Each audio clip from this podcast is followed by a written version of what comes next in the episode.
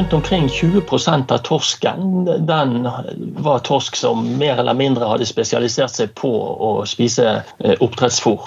Terje van der Meren er del av det store forskningsprosjektet ICOD, der Havforskningsinstituttet spiller en viktig rolle. Her ser forskeren på hvordan oppdrett påvirker kysttorskens gyteområder. Kysttorsken er under press, og det er flere farer som truer. Jeg heter Kjetil Svendsen, og dette er Dekkfisk, podkasten om teknologi og forskning i sjømatnæringen. Velkommen til oss, Terje van der Meren. Jo, takk. Du bor på Austevoll og er mangeårig forsker ved Havforskningsinstituttet. Hva var det som førte deg dit? Det var interessen for å jobbe med å forske på fisk. Eh, jeg har jo min utdannelse fra Universitetet i Bergen, og jeg fikk en hovedfagsoppgave her ute som bl.a. gikk på å forske på eh, startfòring av pigghvallarver i eh, poller og bassenger. Ja, Når var dette her?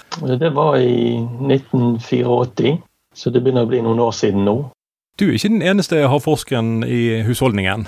Nei, min kone hun har også sin utdannelse fra Universitetet i Bergen. og jobbet jo, eh, har jobbet da med eh, krepsdyr, og særlig hummer. Jeg har en nabo som uh, samler på yrkesriktige navn, og i den listen så fant jeg navnet ditt. det kommer jo litt an på. Navnet er jo nederlandsk. På tysk betyr jo 'das Meer' eller 'meren'. Det refererer jo til havet. På nederlandsk er det mer innsjøer og våtmarker. Og der er faktisk en god del fanameren i Belgia. Ja.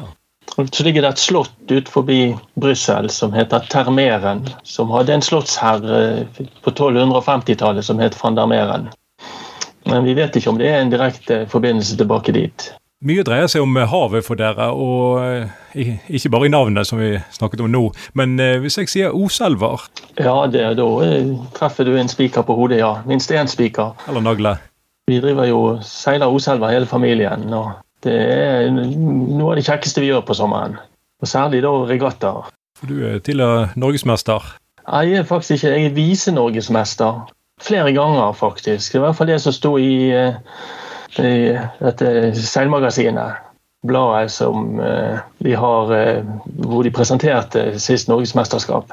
Mye av din forskning det, den foregår litt lenger ned i vannlagene?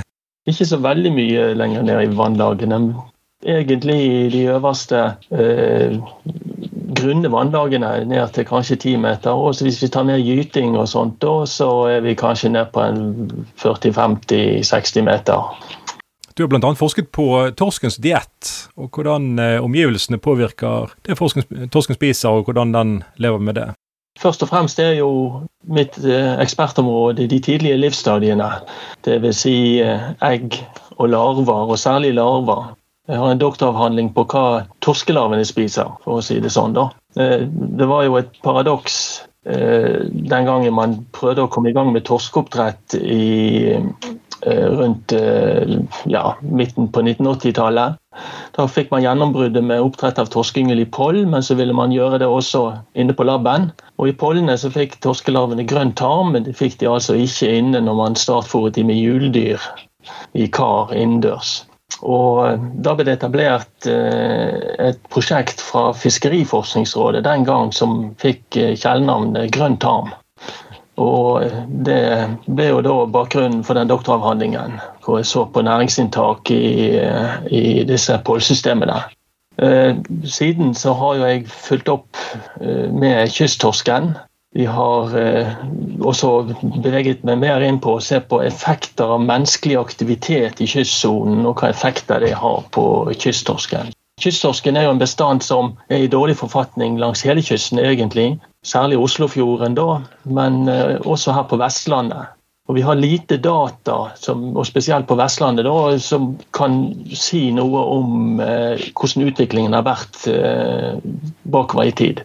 Det er jo mange faktorer som eh, spiller inn. Ja, den har jo en livssyklus eh, fra at den gyter egg som er rundt halvannen millimeter stor. En larve som er rundt mellom tre og fire millimeter når den klekker. Og så skal den altså ha det rette næringstilbudet til rett tid.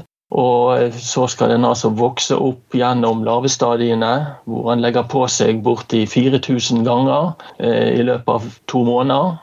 Så går den gjerne til bunns, gjerne på relativt grunt vann. Eh, mye går grunnere enn ti meter, men det er også noe litt dypere. Og denne yngelen skal da overleve fram til den selv blir kjønnsmoden og stor og kan bidra. Eh, så det er masse som kan gå galt underveis her. Og I tillegg så er jo torsken ettertraktet fisk på middagsbordene hos folk.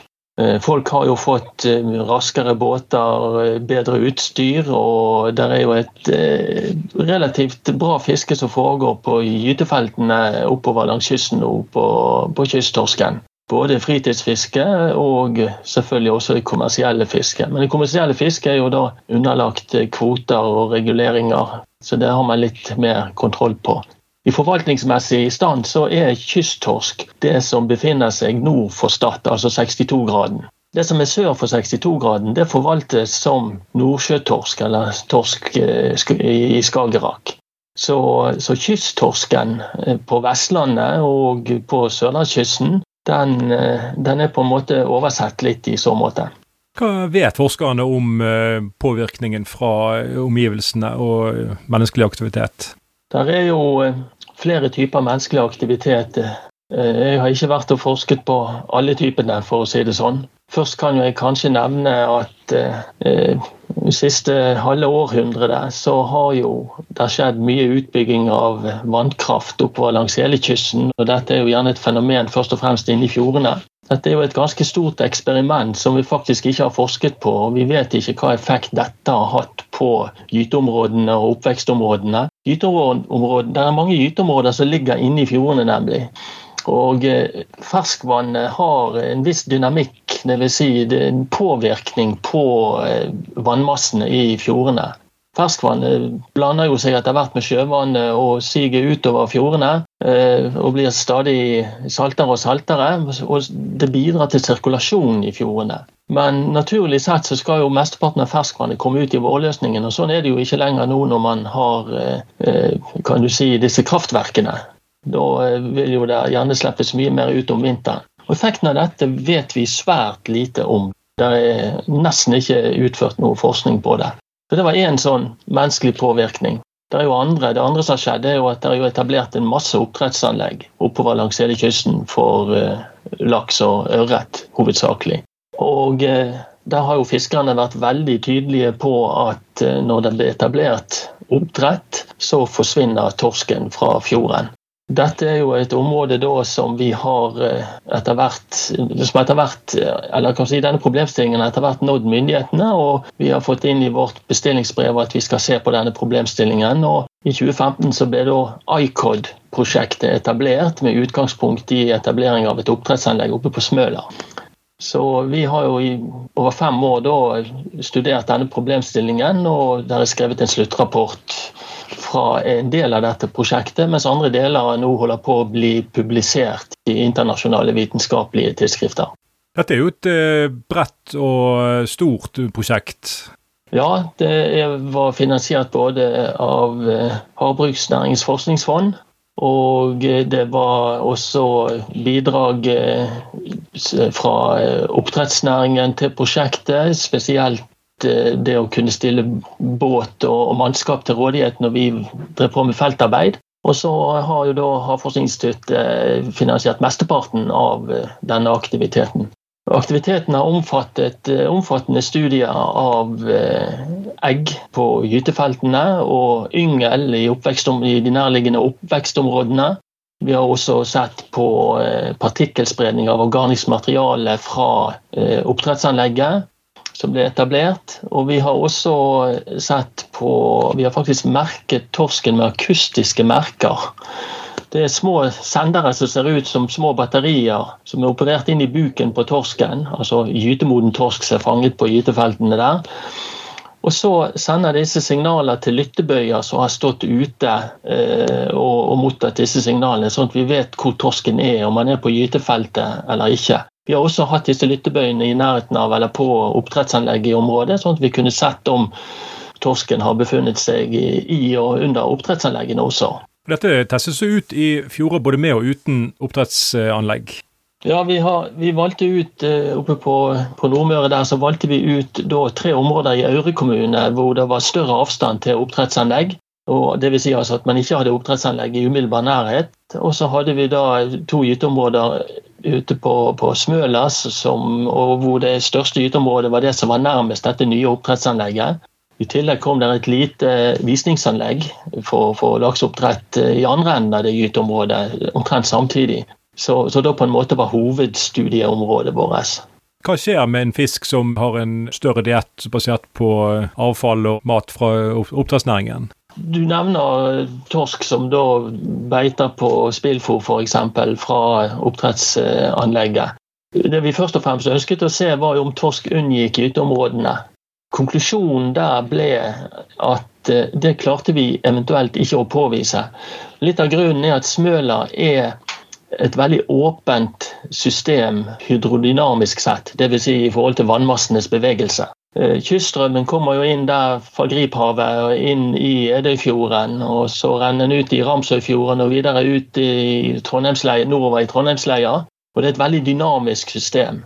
Vi gjorde modellering også innenfor eh, dette prosjektet, der vi eh, simulerte utslipp av egg ulike plasser motstrøms til disse områdene vi undersøkte. Og Resultatet var jo at eh, egg på disse gyteområdene like godt kunne komme fra eh, gyteområder eh, oppstrøms. Sånn at sånn sett ville det være vanskelig å se om, om, om her ville være en effekt, om torsken ville forsvinne. Disse akustiske markørene våre viste jo at torskegytingen fortsatt pågikk i, på disse gyteområdene i nærheten av oppdrettsanlegget. Og vi kunne også se at en viss andel av den torsken var innom oppdrettsanlegget. Men eh, det var ikke på en måte De sto der ikke lenge. Det kan tolkes som at de passerte eh, når de var på vandring vekk fra gyteområdet også, da. Vi så også torsk som faktisk oppsøkte flere av disse gyteområdene, krysset fjorden og reiste egentlig ganske langt mellom disse gyteområdene som vi undersøkte. Men den største overraskelsen fikk vi når vi tok prøver av torsk gjennom gytesesongen på, på tre gyteområder ute på, på, Smøla. Da så vi det at eh, det var en betydelig andel av torsken som hadde spist eh, oppdrettsfôr. Og Hvordan kunne vi undersøke det? Jo, laksefôr i dag inneholder en veldig høy andel av fôrmidler som kommer fra eh, landbruket. Altså soya, hvete, Eh, faktisk 70% av fôrmidler som kommer fra, fra landbruket. Og, og eh, land, Slike fôrmidler de mangler eh, det vi kaller marine omega-3-fettsyrer. Disse langkjedede omega-3-fettsyrene som skal være så sunt for helsen. Laksen lager jo disse, noen av disse fettsyrene i en viss grad, men i ganske liten grad. Så, så fettsyresammensetningen på laksen har jo også endret seg pga. dette. Men eh, laksen må jo ha fôr, og den må ha nok fôr. Men disse fettsyrene kan altså brukes som markører på å spore eh, laksefôr inn i villfisk.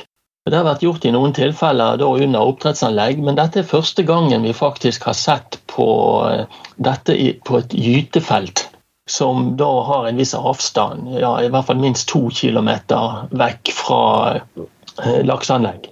Og Da fant vi på disse tre gyteområdene at eh, rundt omkring 20% av torsken den var torsk som mer eller mindre hadde spesialisert seg på å spise eh, oppdrettsfôr.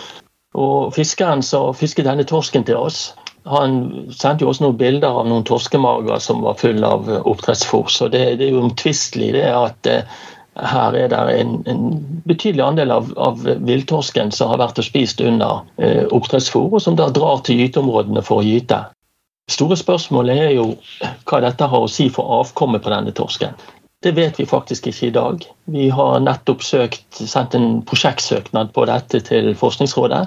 Vi vet derimot at eh, fettsyrer er viktige for eh, at eggene skal utvikle seg normalt og at de skal overleve og at, eh, fram til larvestadiet. Når eggene klekker og larvene begynner å spise, så får de de riktige fettsyrene gjennom at de spiser plankton som inneholder hoppekrepslarver. Som inneholder f.eks. raudåte, som der inneholder rikelig med disse her fettsyrene og andre essensielle næringsemner som larvene trenger. Så Det har jeg faktisk også forsket litt på. for Vi har, vi har et, et, basseng, et sjøvannsbasseng her i Austevoll hvor vi produserer nettopp disse hoppekrepsene. og Det har vært gjennomanalysert i to år for å på en måte få et bilde av hva som er optimalt fôr for torskelarver. Både i oppdrett og for den saks skyld også i naturen. Vi har jo alle sett disse bildene av eh, åpne torskemager med pellets eh, i. Hva næringsinnhold vil vi få i oss? Vi har ikke noe eh, innsigelser mot å spise oppdrettslaks, så den får jo samme fôret. Og torsk som en mager fisk, der vil jo fettsyrene lagres i leveren. Så hvis du ikke spiser lever, så kan jeg ikke tenke meg at det har så veldig mye å si for hva slags ernæringsmessig sammensetning torskefiletene vil ha. I hvert fall med hensyn på fettsyrer. Men eh, det vi er mest bekymret for, er jo da eh, hva effekt dette kan ha på rekrutteringen til torsken. Om dette har en negativ effekt på avkommet på en eller annen måte, som på lang sikt eh, kan gi f.eks. uheldige dårlig overlevelse og uheldige effekter på rekrutteringen.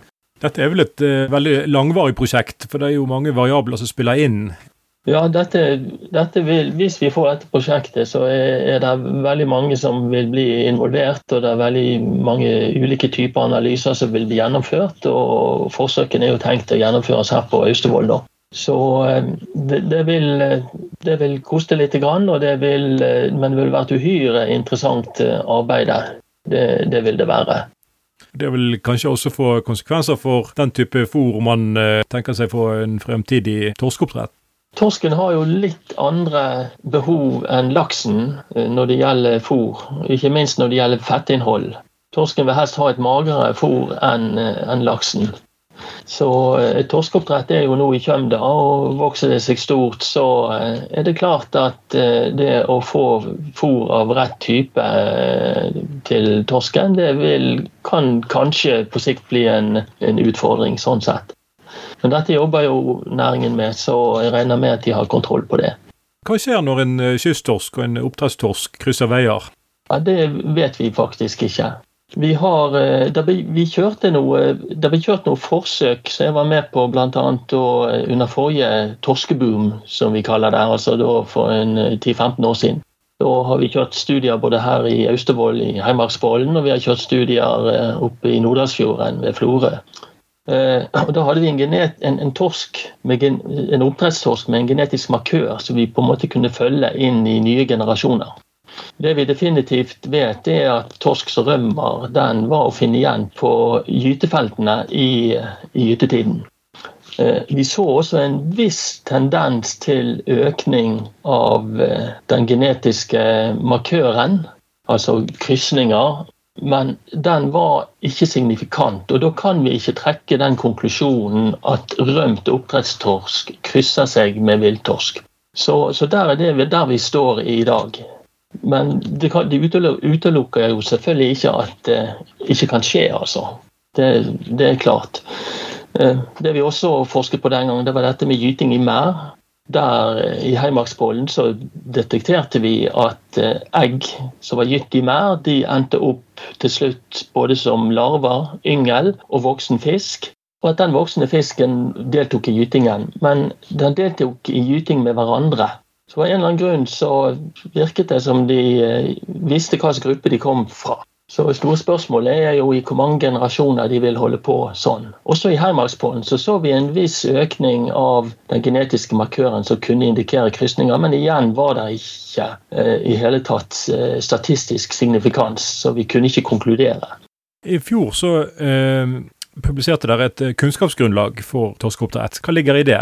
Vi publiserte et kunnskapsgrunnlag for hva vi vet om torskeoppdrett, eh, basert på all den litteratur og alle de rapporter som er publisert om emnet, med erfaringer da fra forrige runde.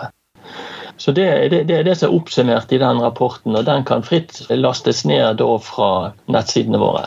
Det er vel også en indikasjon på hvor det trengs mer eh, forskning? Det er helt klart eh, at det er. Og eh, den kunnskapsrapporten brukes nok eh, nå en del av den, eh, den næringen som nå er torskenæringen, oppdrettsnæringen som nå er på nytt i fremvekst. Så, og det er jo også litt meningen med å, få det kunnskapsgrunnlaget frem. Det er også vise hva vi, vi, faktisk vet, hva vi kan dokumentere at vi vet. Og Det siste er viktig, at vi, dette med å kunne dokumentere. En annen het potet er jo deponier og mineralutvinning på havbunnen og gruver. Jeg har også jobbet en del med det. Og vi har et pågående prosjekt nå som eh, har holdt på siden 2015, der vi bl.a. reiser til Repparfjorden og eh, undersøker gytingen eh, hvert år. Slik at vi får en tidsserie fra fjorden med utgangspunkt i om det skulle etableres et deponi der. For Da har vi en god før-situasjon.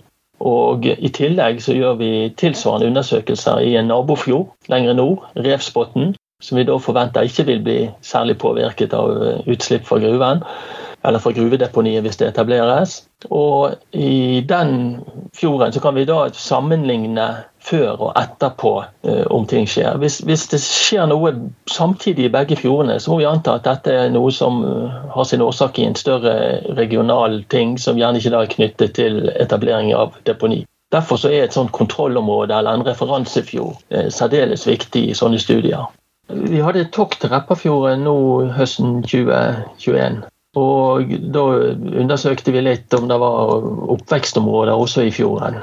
Eh, det er jo kjent at det er et gyteområde i fjorden. Eh, og Da fant vi spesielt en plass innenfor til dels eh, i deponiet hvor vi fant mye torskeyngel. Mens andre plasser var det, var det færre torskeyngel i, i, samme område. Så det var litt sånn flekkvis fordelt. Vi fant også en masse hyse eh, på bunnen inne i fjorden der, faktisk på det gamle deponiet. Det var jo et deponi i Repparfjorden fra 1972 til 1978. Og de gamle slaghaugene eller avfallshaugene ligger jo der ennå. Eh, I fjor høst så publiserte vi en rapport der vi fant eh, en noe økning i innholdet av metaller fra hyse spesielt, som var fanget eh, da i indre del av Repparfjorden. Sammenlignet med lengre ute og sammenlignet med revsbåten. Så, så effekten av det gamle deponiet eventuelt kan kanskje fortelle oss litt om hva vi har i vente hvis det blir etablert et nytt deponi. Eh, det har jo vært økt fokus på forskning rundt dette med effekter på fisk fra sånne deponier. Det har vært eh, et par eh, forskningsprosjekter som er etablert i regi av Forskningsrådet, og da til dels også i samarbeid med næringen. Nykos-prosjektet, og så er det et annet prosjekt som heter Detail, som da ser på de ulike eh, eh, si, økologiske bestanddelene, hvordan de vil bli påvirket. Som da drives fra Universitetet i Nordland. Havforskningsinstituttet har ikke vært med i noen av de prosjektene, men vi har jo fulgt nøye med på eh, det som har blitt publisert derfra. For det har stor relevans for hva vi skal uttale oss om, og hva, hvordan vi skal vurdere sånne sjødeponier. Det vi som bl.a. er kommet frem, er jo at disse her planktonene som torskelarvene spiser, og ikke spiser mye av for å vokse så mye som 4000 ganger på to måneder, de spiser faktisk gruvepartikler hvis de får tilgang til det. Og Dette kan jo være en vei at eh, metaller knyttet til disse partiklene, og kanskje også kjemikalier, for det vi vet, eh, kan komme inn i fiskelarver og påvirke på den måten. Det andre som er påvist innenfor uh, disse prosjektene, er jo da at uh, det er, og spesielt da dette detail-prosjektet, det er at gruvepartikler kan feste seg til eggeskallet og gjøre de tyngre. Torskeeggene er jo pelagiske, de, dvs. Si de flyter fritt i vannmassene. Og så Hvis de får sånne partikler på seg, så er det påvist at de blir tyngre, at de begynner å synke. Og Synker de til bunns, så forventer vi egentlig at de ikke overlever. Så her er det ulike effekter eh, disse finpartiklene fra disse gruvedeponiene kan få på det økologiske systemet. Og det er spesielt finpartiklene vi er bekymret for når det gjelder eh, effekter på både fisk og på eh, andre dyr, pelagiske dyr og ikke minst bunndyr i disse fjordene. Dette er jo kjemikalier og tungmetaller som også går oppover i næringskjeden, og der øverst sitter jo vi sjøl. Det kan jo man for så vidt si. Eh, men eh, vi er mest bekymret, eller vi har mest fokus på eh, selve økosystemet, at det skal være velfungerende. Og Problemet med gruvedeponiet f.eks. i Førdefjorden og i eh, eller det planlagte gruvedeponiet i Førdefjorden og i Repparfjorden er jo at her er jo det gitt tillatelse til henholdsvis 4 millioner tonn avfall i Førdefjorden og 2 millioner tonn avfall per år da, i, i eh, Repparfjorden. Eh, innholdet av metaller i gruveavfallet er størst i Repparfjorden, og da særlig er det veldig høyt innhold av kobber. Kobber har jo blitt et problem i enkelte regioner fra kobberimpregnering av oppdrettsnøter, bl.a. på Vestlandet. Så det er en viss bekymring eh, i statsforvaltningen på, på dette. Og, og, og, Mengden kobber i avfallet i Repparfjorden er sånn sett eh, veldig høyt. Det er så høyt at selve bunnsedimentet klassifiseres som til å være i dårligste tilstandsklasse, hvis vi skal følge Miljødirektoratets eh, klassifiseringssystem for bunnsediment. Og der beiter fisken? Tyse vil beite der, eh, og i hvert fall etter deponiet er slutt. Under deponeringen er ikke så sikkert fordi at du vil få disse partikkelkonsentrasjonene i vannet som kan virke irriterende, og som kanskje vil skremme vekk fisken. Men eh, vi fant som sagt forhøyde metallkonsentrasjoner nå 40, over 40 år etter på hyse fanget i indre delen av Repparfjorden. Det vi ikke vet, er om disse metallene da kommer fra naturlig avrenning fra elvesystemet. Det er jo en stor elv som kommer ut i Repparfjorden, en god lakseelv, Repparfjordelva. Eller om dette faktisk kommer fra deponiet. Nå er vi, På tokt i høst så samlet vi inn prøver for å se på isotoper, metallisotoper. og Det kan nemlig brukes som en sånn fingeravtrykk til å kanskje spore hvor disse metallene vi har funnet i hysen, hvor de kommer fra. Om de kommer fra deponiet, eller om de kommer fra elvesystemet eller avrenning fra land på andre måter. Så, så dette, det, det, er spennende arbeid vi er i gang med, og det skal bli interessant å få resultatene. Vi kan per nå ikke konkludere med at de forhøyde metallverdiene skyldes eh, til gamle deponier. Det blir spennende å følge fremover. Nei, det blir det. Eh, og dette er jo viktig kunnskap for forvaltningen. Både de som tar beslutninger om deponier og andre påvirkninger i kystsonen, Likeens det vi eh, fant på, på torsken eh, på gytefeltene på Smøla. Vi eh, kommer med kunnskapen fra Havforskningsinstituttet, og så er det forvaltningen som tar beslutningene. Så det er liksom sånn som det er. Og det skal vi fortsette med, å fremskaffe kunnskap for hvordan menneskelig aktivitet påvirker kystøkosystemene, som vi er avhengig av, og som er viktige ikke minst nå når vi er inne i havets tiår. Det omfatter også kysten. Og de aller fleste kommersielle gytebestandene som vi høster av langs norskekysten og inn i Barentshavet, de har sin, sitt opphav, altså sine gyteområder i kystsonen på en eller annen måte. Den menneskelige aktiviteten øker. Ser du noe lys i tunnelen?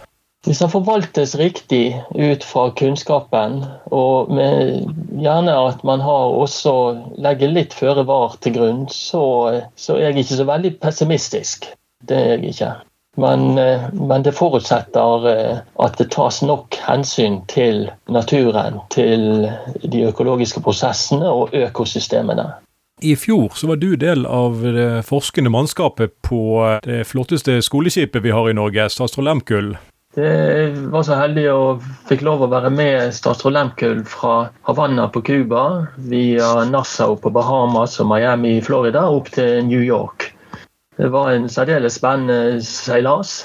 Nå har jo jeg seilt mye med statsråd Lemkull tidligere, spesielt på disse tallship races.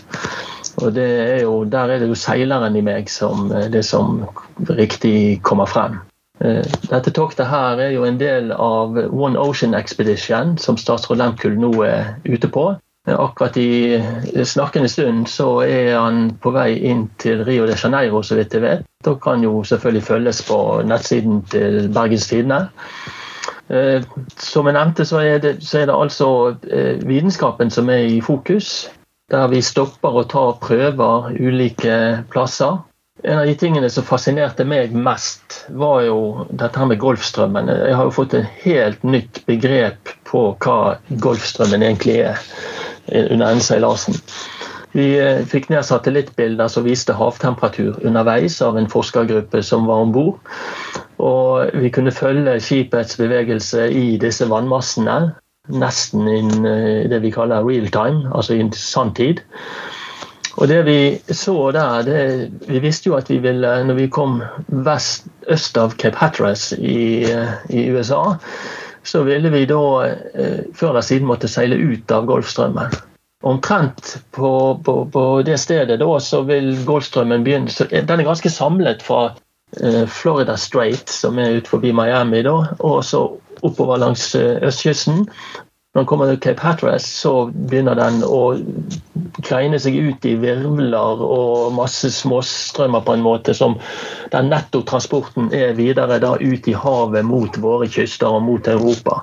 Så vi forlot jo da strømmen før han på en måte begynte på den skikkelige forgreiningen. Så i løpet av én natt så gikk vi fra shorts til eh, vintergenser og eh, vinterkjeledress det var ganske merkelig altså, å komme fra et eh, veldig godt temperert og varmt klima til liksom en natt over nesten til vinteren. Hvis vi da legger til grunn en, grunn en, en, en vestlandsvinter. Føler kunnskapsgrunnlaget på kroppen? Ja da, det var, og vi tok jo prøver både i strømmen og utenfor strømmen. og Det var jo enormt mye mer plankton eh, i vannmassene ut forbi strømmen i den kalde delen der du har denne blandingen av varmt og kaldt vann, enn det var da i selve strømmen. Som da er mye mer næringsfattig. Og Det var jo en av de tingene vi ventet, og det var en av de tingene vi også da så. Så det, det var det var, det var, interessant å se den forskjellen. Det er jo nettopp i disse grenseflatene mellom varmt og kaldt vann at du har høy og god produksjon. Og Det er jo litt det samme også som en ser oppover langs norskekysten med det atlantiske vannet, til dels næringsrike vannet, og så har du kyststrømmen, og så får du grenseflatene der. Det er jo nettopp i den grenseflaten at, at skreien gyter i Lofoten f.eks. Og samme videre inn i, i Barentshavet. Viktig for forskere å være ute i felt? Veldig viktig å være ute i felt sjøl så syns jeg det er noe av det mest givende jeg gjør. Da får du liksom hands on, altså førstehåndsinntrykk av eh, det du studerer og det, det, du holder på med. Du har hørt TechFisk, podkasten om teknologi og forskning i sjømatnæringen.